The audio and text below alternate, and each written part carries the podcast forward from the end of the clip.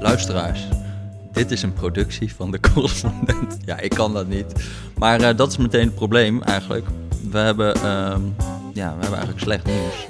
Waar is Rutger? Ja, waar is Rutger? En wie ben jij? Wie ben ik? wie ben jij? Nee, eh, ja, Romane en ik verwachten het al een beetje. Want vorige week eh, waren wij nou ja, voor een geheim Rudy en Freddy project... waarover oh, misschien later nog meer. Ehm, en toen, toen zagen we al aan uh, Rutger eigenlijk van... ja, hij hoort wat slechter. Hij had ook een beetje last van zijn heupen.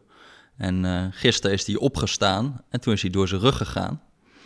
Dus uh, ja, Rutger, Rutger is er niet. Rutger is uitgeschakeld.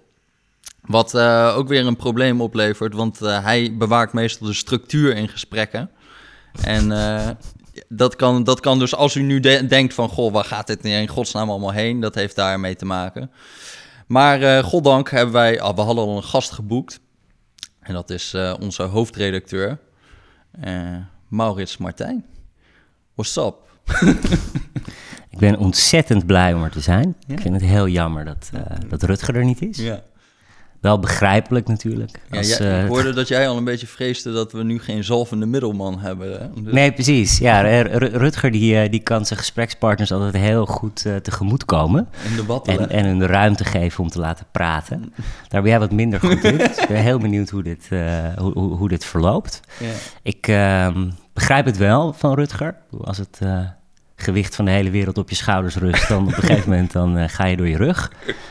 Um, bijkomend voordeel is natuurlijk wel dat dit een hele korte podcast ja, zal worden. Ja, zeker, ja. Een uh, kort en krachtige... Ja, ik ben dus gewoon een beetje bang dat het zo af en toe zo stilvalt. En normaal flikker ik dan gewoon een muntje in Rutger, maar die is er dan nu gewoon niet. Dus uh, wij moeten het gewoon helemaal zelf Wij moeten doen. het zelf doen, ja. Maar goddank, er is een onderwerp. Want jij had gewoon wereldnieuws, man.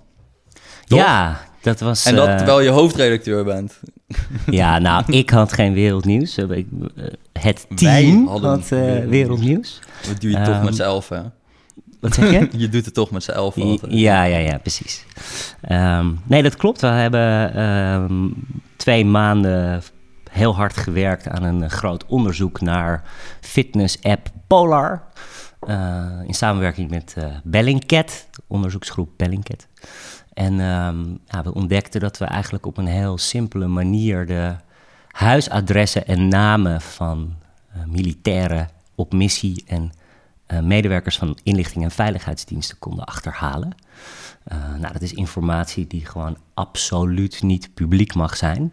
Maar hoe dan? Hoe deed je dat? Oh ja, dat, uh, daar, daar, begint het natuurlijk. Nou, eigenlijk heel simpel. Um, er kwam een jongen naar ons toe, die gebruikte deze app om te rennen. Dat is een hele fanatieke jogger. En uh, toevallig werkt hij ook uh, wel eens voor uh, Bellingcat. Fouke Posma heet hij. Ja. En um, hij was een beetje op die app aan het kijken. En hij kwam erachter dat al zijn runs, dus al zijn activiteiten, terug te vinden waren op een soort wereldkaartje. in, in, in de buurt van waar hij woonde. Leuk voor al je vrienden en familie. Leuk voor al je vrienden en familie. Um, en um, dat um, hij dat niet alleen van, van zichzelf kon zien, maar van honderden, duizenden, misschien zelfs wel miljoenen andere gebruikers.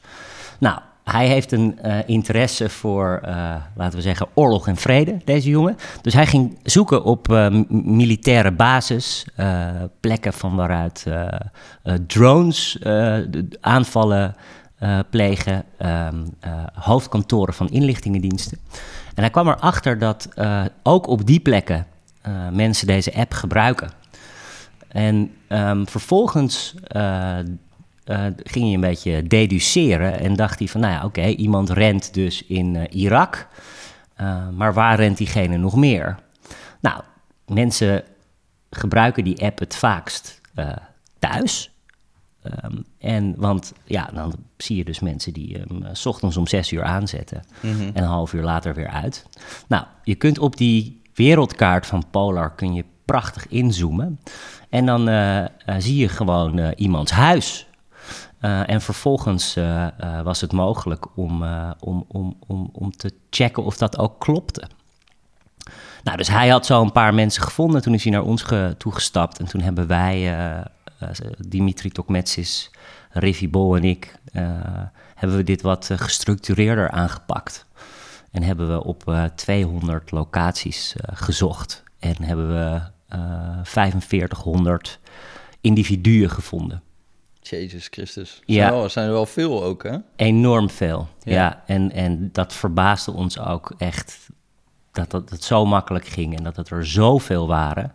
En dan hebben wij ook nog eens eh, eh, slechts een steekproef gedaan. Hè. We hebben 200... Wat heb je van hun allemaal gewoon de identiteit weten te achterhalen? Ja, Echt? ja. En hoe doe je dat dan? Want dat, dat is wel gewoon handwerk Ja. bijna, toch? Nou, ik zeg van iedereen, eh, we hebben een steekproef gedaan en daaruit bleek dat het in een paar minuten lukte bij ongeveer 90 procent. Oh ja. Ehm, maar ik denk dat als we gewoon wat langer hadden gezocht, dat het van iedereen was gelukt. Nou, hoe dat gaat? Heel, allereerst, heel veel mensen geven gewoon hun echte naam op als ze die app gebruiken. Dat is natuurlijk al, al heel interessant. Dat dus zelfs geheime agenten dat doen.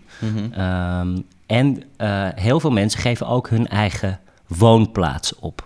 Nou, als je die informatie hebt eh, en je hebt dus het vermoeden dat iemand eh, voor het ministerie van Defensie werkt of voor een inlichtingendienst werkt, aan de hand van die informatie kun je gewoon heel ger- gericht verder zoeken. Ehm, maar de, ja, de, de, de, de methode die het beste werkt was dus eh, wat ik net vertelde. Dat je dus eh, iemand tegenkomt, bijvoorbeeld bij het hoofdkantoor van de MIVD. Vervolgens kijk je waar heeft die persoon nog meer gerend. En dan zie je dat iemand eh, enorm veel activiteiten heeft in een huizenblok in, laten we zeggen, Nijmegen. Eh, nou, dan heb Hoezo tegenkomt bij de MIVD? Gaat hij rennen naar de MIVD en staat dat er dan? Of hoe? Nee, je ziet dus, je, je, je zoomt in op het hoofdkantoor van de MIVD. Ja? En dan zie je dat iemand uit dat, met regelmaat buiten dat gebouw een rondje rent. Je gaat gewoon op je werk rennen.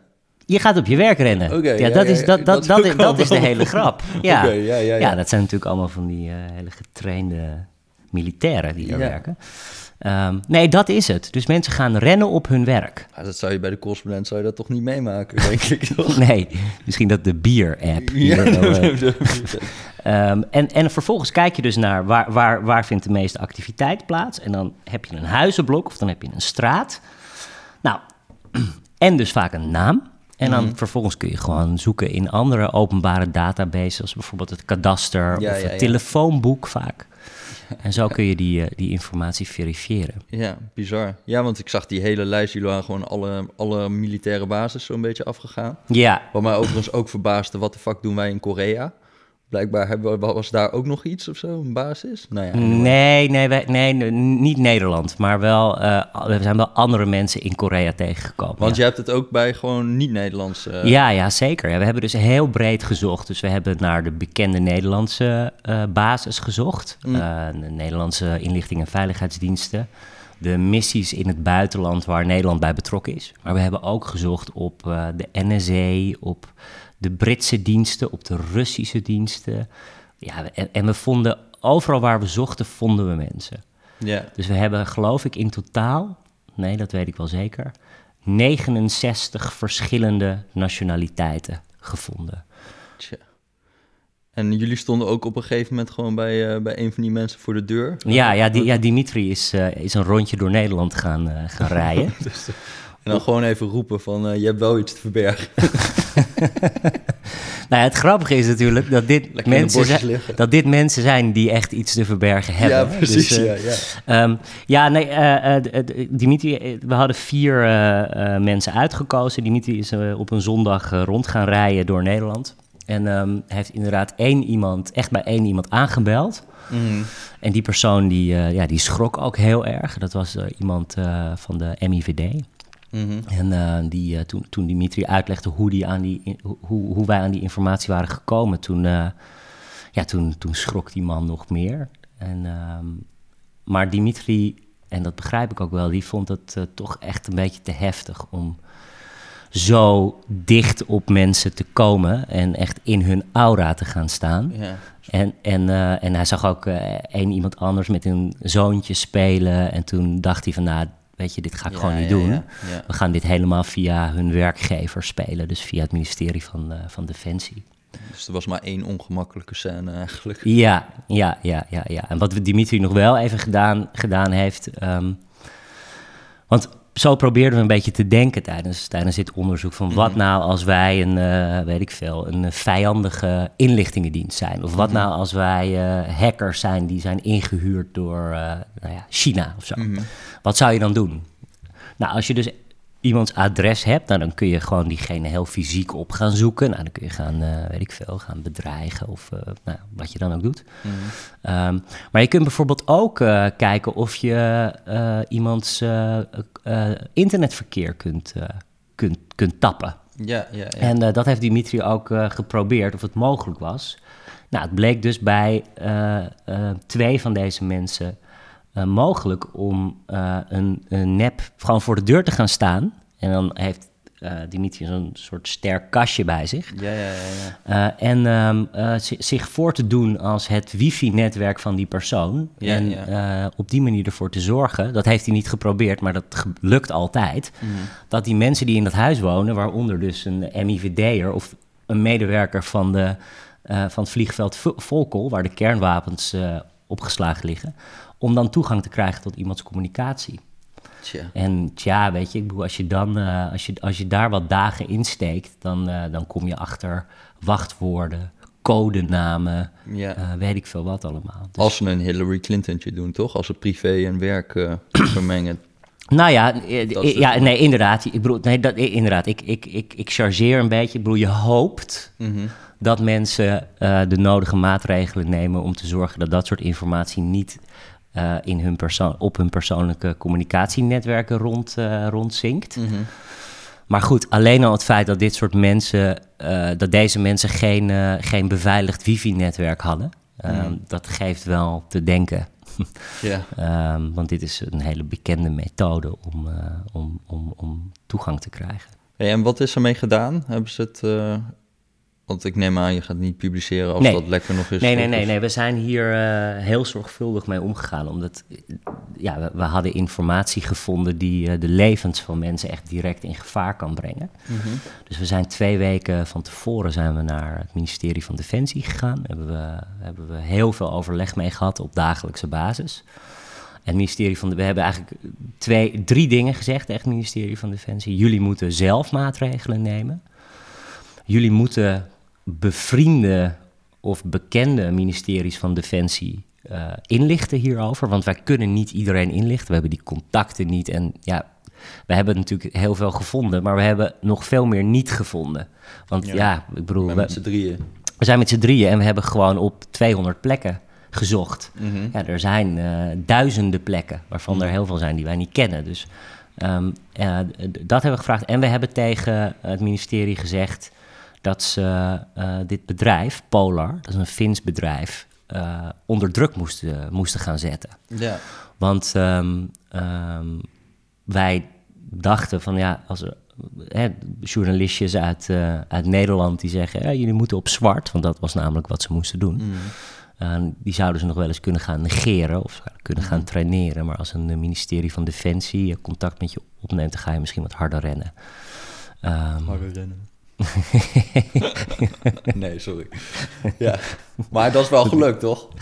Dat is, ja, dat is gelukt. Het is wel interessant trouwens. Eh, dat is gelukt. Wel pas anderhalve week later, dus vier dagen voordat we zouden Dus eerst publiceren. dachten ze inderdaad... eh, Zij dachten, ja, nou, ik weet niet of ze dat dachten, maar ze probeerden wel echt te traineren. En we, Mm. we kregen ook maar niet eh, de mensen aan de lijn die we hierover wilden praten. Dus we hadden eigenlijk alleen maar techneuten aan de lijn. En die benaderden dit puur als een soort technisch probleem. Dus Mhm. die zeiden van ja, maar als we dit nou uitschakelen, dan kan dit niet meer. En, en weet ook, dat zeiden ze ook, van weet dat we ons ook aan de Euro- nieuwe Europese privacywetgeving houden. Ja. Wij zijn compliant, zeiden ze. ja. Eh, en, en, en toen- Dus het werd een beetje juridisch. het werd juridisch en het werd technisch. Terwijl daar gaat het. Ik bedoel, tuurlijk, dat speelt een hele grote rol. Maar het laat, dit, gaat, dit gaat natuurlijk over veel meer. Dit gaat Ja. gewoon over veiligheid, over nationale veiligheid. Op zich snap je ook wel een beetje waar zij vandaan komen. Als ik, we hadden al eerder toch ook een keer met zo'n andere fitness-app... had je ook al dat gezeik van dat het... Misschien was dat een heel ander verhaal, hoor. Maar nou, wat het leek, er, leek erop. Ja. leek erop. Ja. En toen ehm, dat je denkt van... ja, god, we hebben hier toch mensen van inlichtingendiensten... let even op of zo, toch? Dus Ja. zij zullen het waarschijnlijk helemaal neerleggen bij die gebruiker. Helemaal. Ja. Ja. En het, en het is ook een beetje dom. Nou, het is, het is onbegrijpelijk. Ik bedoel, ik, ik, ja, ik, ik kan me sowieso niet zo goed voorstellen hoe het is om een geheim agent te zijn. Nee. Maar je bent dan wel uh, je leven lang getraind om, uh, om, om jezelf uh, te, te verbergen, om je identiteit te verbergen. Om, weet je, je, je, mag zelfs vaak niet aan je familie vertellen wat je doet of waar je heen gaat. Ja. En met, met deze app vertellen ze het aan de hele wereld. Ja, want daar komen we denk ik wel op een soort van iets heel interessants van dat zelfs blijkbaar deze mensen er dus geen kaas van hebben gegeten van hoe verberg je jezelf nou of hoe zorg je er nou voor dat je niet dat je, dat, dat je, dat je niet herkenbaar wordt. Ja, nou, ik, ik denk dat dat, dat uh, blootlegt dat eigenlijk het fundament van onze privacywetgeving, mm de, de, de, de kern van hoe wij over privacy praten met elkaar, uh, dat, dat, dat is een wassen neus. Ja. Want uh, de verantwoordelijkheid uh, ligt voor een heel erg groot deel bij het individu. En het hele idee is van, van privacywetgeving, van nou, als partijen, dus bedrijven en overheden, uh, burgers of consumenten maar goed genoeg informeren Mhm. over uh, wat, welke informatie ze verzamelen en wat ze ermee doen. En vervolgens uh, die um, individuen ook de keus hebben om bijvoorbeeld bepaalde dingen niet te doen. Mhm. Um, en uiteindelijk toestemming te geven, ja of nee, Mhm. um, dat, is, dat is genoeg. Ik Ja. Overdrijf een beetje, maar daar komt het... En dat was ook een respons natuurlijk van Polar. Van ja, dit, we hebben die toestemming gevraagd en gekregen, zeg maar. Precies. En in veel gevallen klopt dat ook. Hè? In veel gevallen uh, hebben mensen ook, de mensen die wij gevonden hebben, die hebben heel bewust hebben hun um, uh, runs, dus hun activiteiten op publiek gezet. Ja. Um, maar wat hier dan misging, is dat ze gewoon niet konden beseffen dat dat in een andere context die data Ja. uh, tot hun herleidbaar was. Ja, dat is, dat is, dat is mijn, mijn hypothese. En dat zie je ook wel op veel, veel andere vlakken. Mhm. Dat, um, dat je dus, um, uh, je gebruikt die app en, en vaak gebruik je zo'n horloge, zo'n zo'n uh, zo'n zo'n soort Fitbit, maar dan Mhm. van Polar. Um, en uh, ja, je bent uh, zo gewend. Dit is, ik ben nu aan het speculeren, hè, maar dit Mhm. is hoe, hoe, hoe het volgens mij gaat in, in het hoofd van, van de geheimagent. Um, en je gebruikt het om in het park te rennen. En uh, je gebruikt het om uh, als, je, als, je, als je gaat trainen in de sportschool en zo. En op een gegeven moment koppel je, denk ik, het hele idee dat zo'n horloge ook aangesloten is op het internet en ook uh, GPS-data afgeeft. Mhm. Dat koppel je los van de manier waarop je het gebruikt. Mhm. Dus in je hoofd. Ja, ja, ja. En, um, en, en, en dus elke keer als je dat ding aanzet, dan doe je dat zonder erover na te denken. Ja. Um, dat, dat, dat, dat is een beetje mijn, mijn hypothese. Want anders kan ik me dus heel moeilijk voorstellen dat uh, als je getraind bent om, Ja. uh, om, om, om je eigen naam nooit te gebruiken, dat je, dan, dat je dan dat ding aanzet als je in Erbil bent. Ja, het punt is ook, het is gewoon veel te veel. Ja. Ik, uh, wij, zitten, wij zitten toch ook nu, heb je dan met al die cookies en zo. Ja, dan zie ik een grote groene knop en dan denk ik, is goed. We gaan gewoon vrolijk door, weet je Ja. wel. En, en, en, en het is gewoon te veel om overal toestemming voor te doen. Mhm. Voor deze podcast ook even gewoon wat eh, research gedaan naar van... ehm, je moet natuurlijk altijd die privacyvoorwaarden en zo doornemen. Daar begint het al, hè. Dus hier is het ook nog van, je weet niet hoe het gebruikt gaat worden. Dat, daar ging het hier mis. Maar de meeste mensen die komen niet eens eraan toe dat ze die privacyvoorwaarden lezen natuurlijk. Nee. Ze hebben die, ehm, dat Amazon Web Services, die heeft ergens eh, op een gegeven moment eh, voor de grap gewoon de, de zombie-clausule in, eh, in haar algemene voorwaarden verwerkt. Van, dan staat er ergens van, ja, je mag, het, je mag dit product is niet bedoeld voor systemen waar veiligheid essentieel is, behalve bij een virale infectie verspreid door beten en lichaamsvocht, waardoor menselijke overblijfselen weer tot leven worden gewekt en op zoek gaan naar ander menselijk vlees, bloed en breinen om te consumeren. Ja, ja, ja, ja. ja. Nou ja, dat, dat, dat, is hier pas een jaar later of zo dat iemand dat Iemand. heeft opgemerkt, Ja. zeg maar, of dat daar een artikel over is verschenen. Maar en eh, laatst ook dus ook zo'n onderzoek van iemand, die, daar hadden ze gewoon in de algemene voorwaarden van een softwareproduct gezet van, ehm, nou, ter betaling gaat je eerste kind gaat naar het, wordt eigendom van het softwarebedrijf, ergens gewoon midden in, de in de algemene voorwaarden. Ja.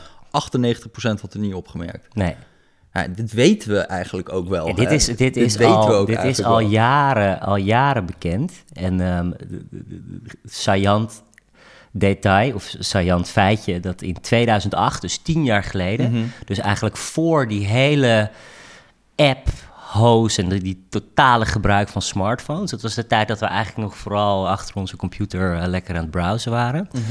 Eh, hebben onderzoekers eh, uit Amerika uitgerekend dat de gemiddelde, als de gemiddelde Amerikaan alle privacyvoorwaarden zou lezen, Ja, dat hij dan vijf weken fulltime per jaar daarmee bezig zou zijn. ja, ja. dus ja. dat je al je vakantiedagen opneemt om eh, de privacyvoorwaarden te lezen. Ja, dat is totaal maar en dat is tien jaar geleden. Dat is alleen maar meer geworden. Ja. En goed, dat is ook een beetje een bekend verhaal, hè, maar die, die, bedoel, die, die, en nu is dat met die nieuwe Europese wetgeving is dat wel iets veranderd, want er, zitten, er zijn nu wel nieuwe eisen aan de toegankelijkheid van dat soort dingen. Mhm.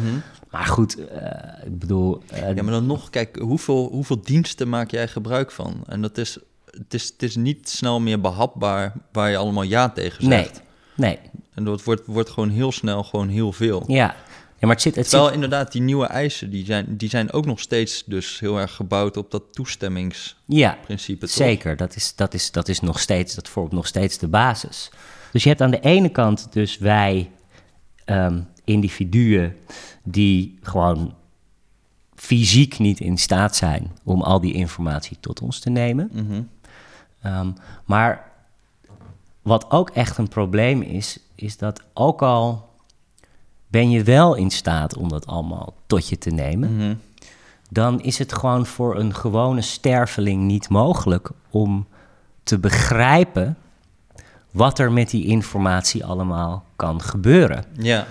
Ehm, ja, zoals dit. Dit had ik ook nooit voorzien. nee, nee en, dit, en dit is nog eigenlijk een soort bijna één op één. Hè? Dit is iemand, die, mensen die dus ook echt bij hun huis, op hun, de locatie waar ze wonen, die, die app aanzetten.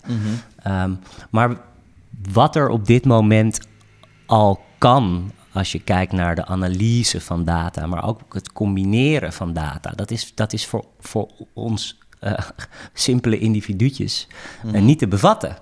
Dat, dat, dat snappen we niet. En, ehm, en, en dat ondervang je gewoon niet eh, met, eh, eh, ook al heb je een geweldig geschreven, toegankelijke privacy policy. Ehm, wij zijn er niet op gebouwd om die kracht van data te snappen, om het, eh, om het tot ons door te laten dringen. Ja, en is ook niet gewoon een, ook een soort onderliggend probleem dat, dat eigenlijk dat hele internet het voornaamste verdienmodel is privacy schending. Of in ieder geval steeds proberen om daar eh, afbreuk aan te doen. Ja, Dus dat is gewoon een beetje, ja, je kan met regelgevingen tegenhouden, maar in principe zijn die regelgeving en, en, en het verdienmodel is een beetje strijdig. Mhm. Ja, totaal. Ja, ik bedoel, dus zeker als je kijkt naar die, naar die hele grote jongens, Google, Facebook, vooral die twee, dan, ehm, ehm, ja, de, de- dus zij verdienen, dat wordt wel wat minder, maar nog steeds 90% of zo van, van, hun, eh, van hun omzet eh, komt, komt van privacy schending. Ja, Of advertenties, komt of van- gerichte... Van, adver- precies. hun pitch is natuurlijk, wij doen het beter dan tv, want wij weten wie we, bij wie je terechtkomt. Ja, ja.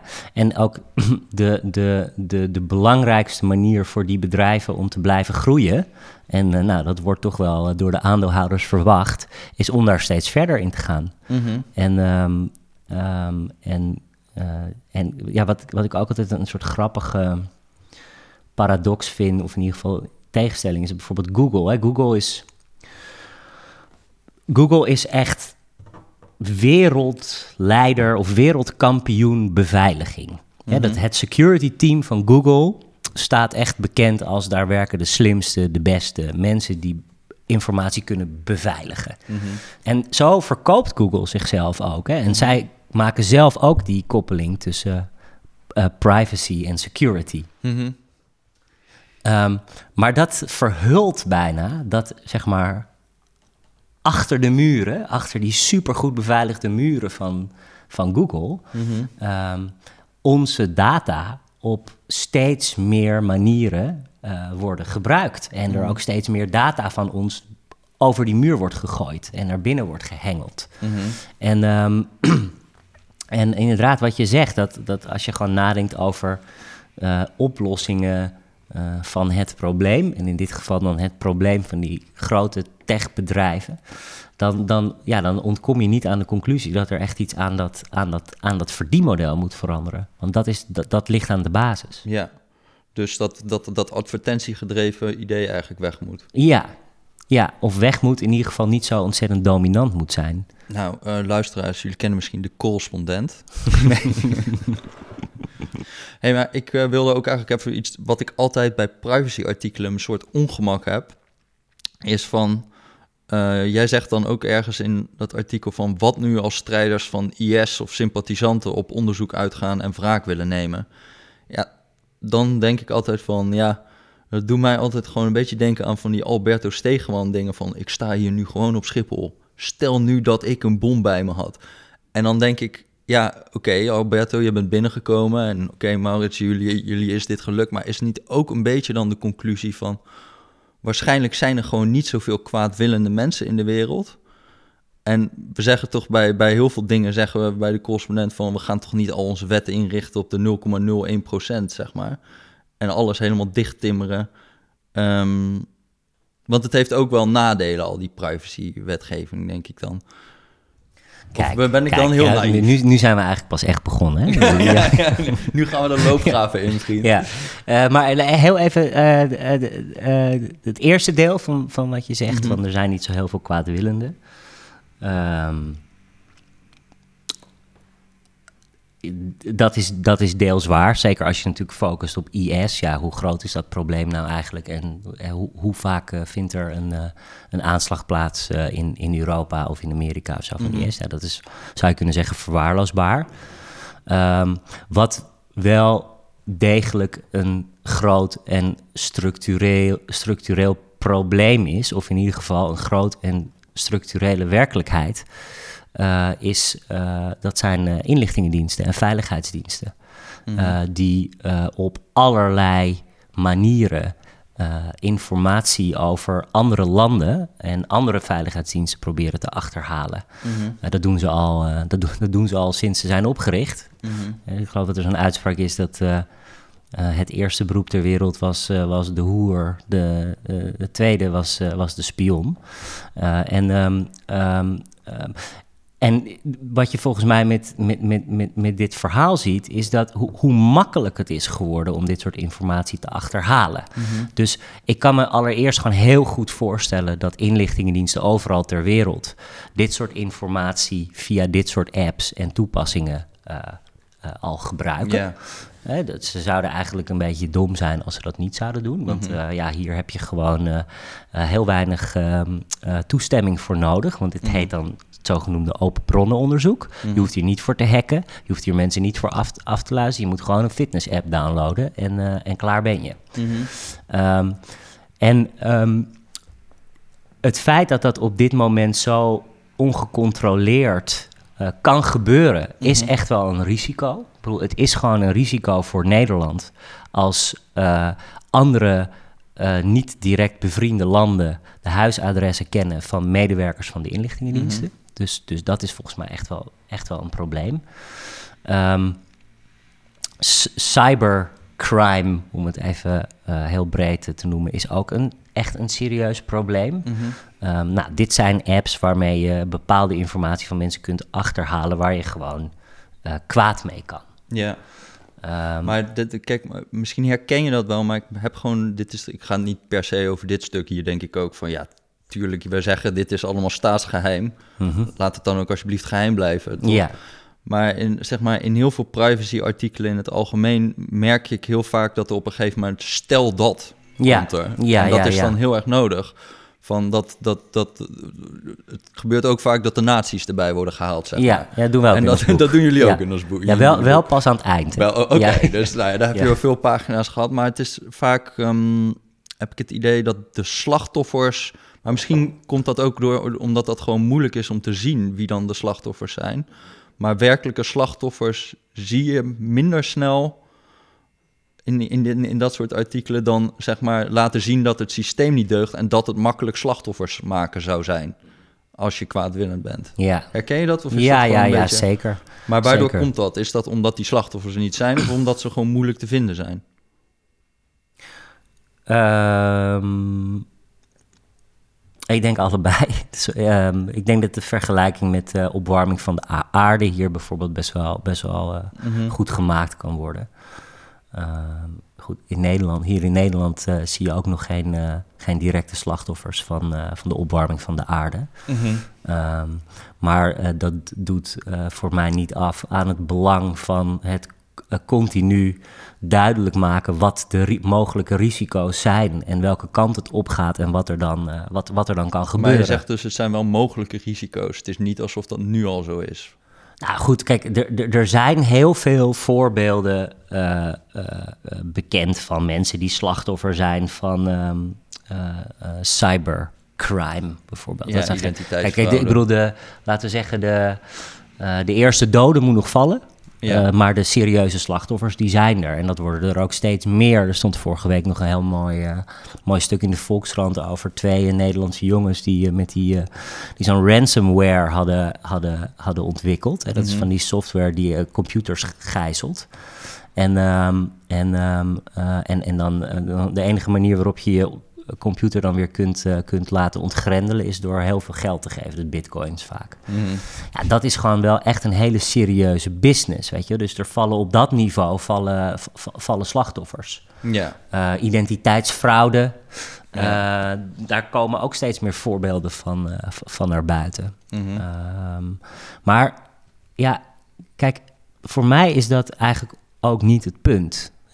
Wat, waarom ik zo blij ben met dit verhaal, eh, is omdat het eh, eh, een, een, een, een- in mijn ogen een hele duidelijke casus is die, ehm, die laat zien dat, ehm, dat in de wereld waarin we leven, waarin alles gedigitaliseerd is, waarin eigenlijk van alles wat je doet er een digitaal spoor achter wordt gelaten, dat, eh, dat wij individuen daar gewoon niet mee om kunnen gaan. Mhm. En ehm, ehm, dat eh, er informatie over ons af te leiden valt uit al die eh, broodkruimeltjes data, eh, die nou, in dit geval direct mensen in, in gevaar kan brengen, maar die misschien in iets minder zware gevallen ook informatie naar boven haalt, waarvan je helemaal niet wil dat mensen dat, eh, dat, mensen dat weten. Mhm. En we hebben daar, we kunnen, wij kunnen dat als, als individuen gewoon niet bevatten.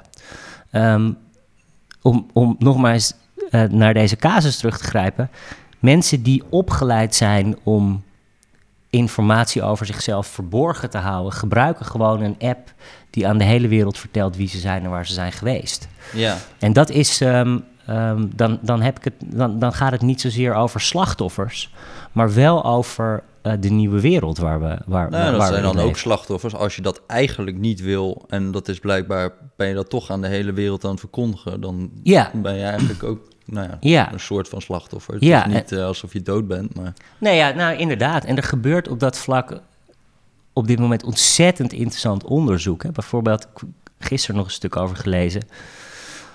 Dat het hele idee van eh, anonieme data, dat, eh, dat, dat slaat helemaal nergens op. hè. Je hebt dus heel vaak eh, organisaties of partijen die publiceren dan geanonimiseerde data. Heel interessant onderzoek bijvoorbeeld was naar ehm creditcard-transacties. Dat was een paar jaar geleden. Die, werden, die, die werden geopenbaard door, geloof ik, de creditcardbedrijf, dat weet ik niet meer zeker.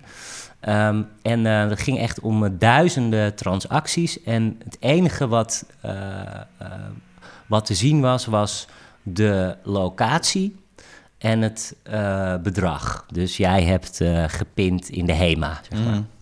Nou, heeft dus, he- hebben wat onderzoekers die hebben dus die informatie ehm, gecombineerd of vergeleken met ehm, informatie uit andere bronnen. Eh, bijvoorbeeld, als je Instagram gebruikt, dan eh, geef je vaak ook Locatie. locatie. locatiegegevens. Ja, ja, ja. Nou, en die informatie die kun je allemaal binnenhalen. Dus en zo zijn ze, eh, dat hebben ze ook met Twitter gedaan. Nou, echt in, geloof ik, met zes of zeven bronnen. En eh, aan, aan, aan de hand daarvan konden ze van 87% van de Heel veel. 87 procent. Maar van de mensen die dan überhaupt een locatie hebben gegeven op Instagram. Nee, Gewoon in van tot- ieder- al die... Precies. Jij geeft dan misschien op Instagram je locatie niet, eh, niet, af, maar op Twitter wel. Ja, ja. Of, eh, of Facebook. Of je denkt er gewoon, of je gebruikt een fitness-app, weet je wel. Ja, ja, ja. En ja. dus van 87% was, was gewoon de identiteit achterhalen. En dat, ik bedoel, dat, dan heb je het niet over slachtoffers of over eh, directe problemen.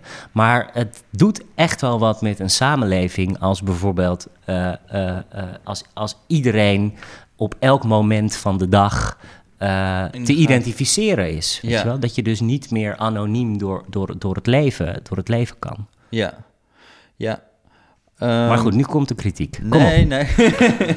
ja, kijk, ik, ik, zit, ik zit in een ander soort... eh, ik schrijf, schrijf natuurlijk over schulden en zo vaak, of deed dat. Ik hoop dat ik er ooit vanaf kom.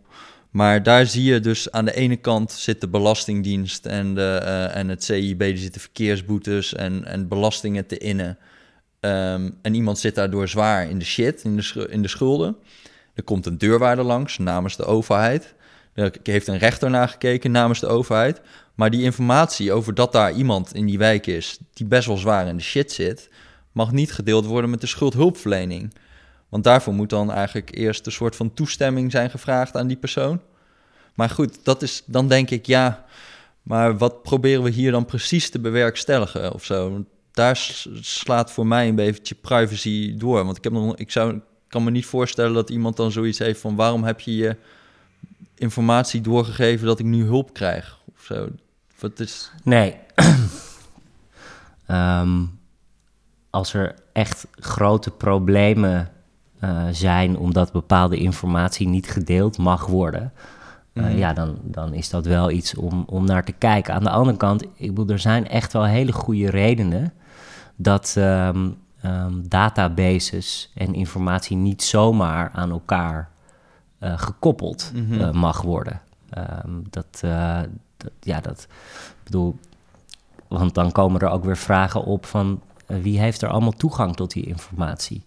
Eh, hoe lang wordt die informatie bewaard? Mhm. En ehm, dan zou je denken, ja, dat zijn vragen die je, die je echt wel heel goed kan beantwoorden. En, waar- en, en, en je, je staat gewoon een paar mensen toe om er naar te kijken en je bewaart het zo lang als, als nodig. Maar in de praktijk Mhm. in Nederland eh, gaat dat gewoon heel vaak mis.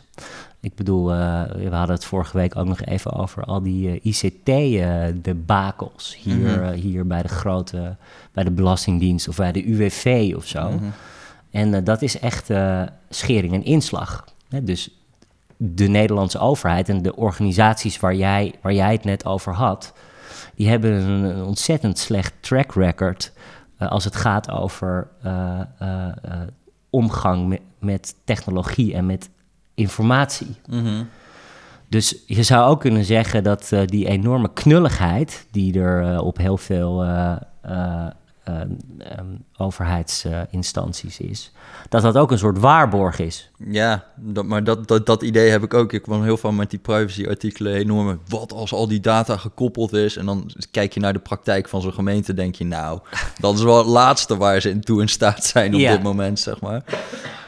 Dus, Ja, maar wat, maar wat, wat mij dus wel een beetje, wat ik ideaal zou vinden, is als je een soort privacy kan hebben, wel wat, wat lager is voor als je hulp wil bieden als overheid. ja. En wat hoger, de drempel wat hoger is als je bijvoorbeeld fraudeonderzoek gaat doen. Want wat Ja, kijk, ik, bedoel, ik, ik ben het helemaal met je eens dat als er een manier is om eigenlijk dit, zou je kunnen zeggen, evidente probleem, hè, mensen die hulp nodig hebben, kunnen geen hulp krijgen omdat er En vragen dat ook niet. Dus dat is een beetje het probleem ook vaak. Hè? Dus die zijn, zitten nog helemaal ingegraven. En die moet je gewoon even wakker schudden soms. Ja, ja, dus meer paternalisme eigenlijk.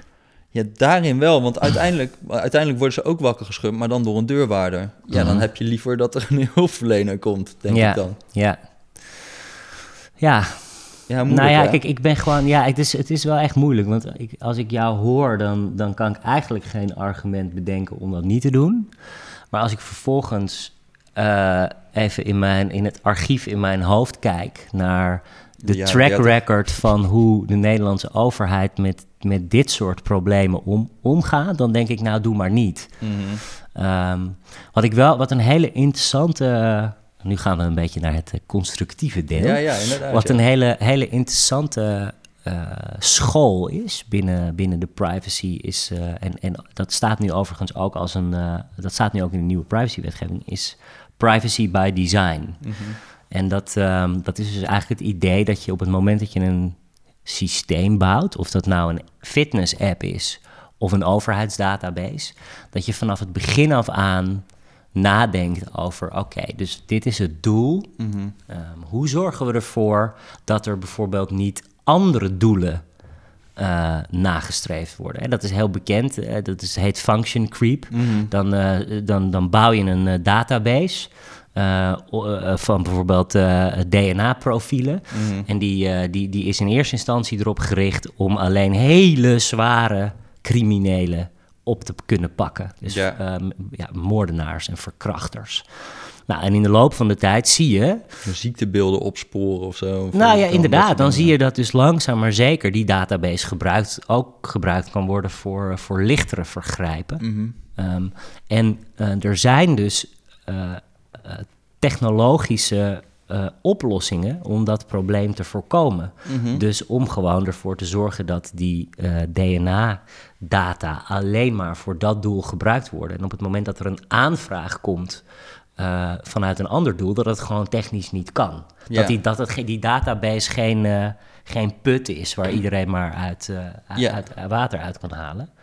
Ehm, en het idee daarbij is dat je dus eigenlijk vanaf het begin, dat je begint met bouwen, ehm, mensen aan tafel hebt die, die, die zowel technisch als juridisch. En had dat dan zo'n Polar vermeden?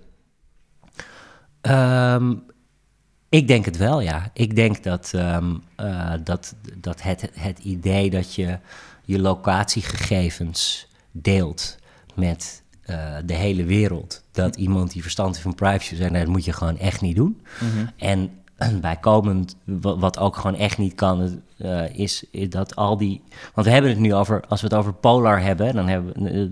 Het bedrijf heeft nu, is nu op zwart. Het is niet meer mogelijk om dat te doen. En waarschijnlijk, als, je, als ze over een paar weken weer, eh, weer online gaan, dan, eh, dan kan het ook niet meer. Mhm. Maar die data die, eh, die blijven wel opgeslagen op de centrale servers in, eh, in Finland. Mhm. Dus het, het idee dat je dit soort informatie, dit soort locatiegegevens, wat echt gewoon hele gevoelige gegevens zijn, dat je die centraal bij een bedrijf opslaat, Mhm. ehm, dat is gewoon, dat is al een eh, verkeerd, verkeerd plan. Dat, Ja. dat, dat, dat moet je al niet doen.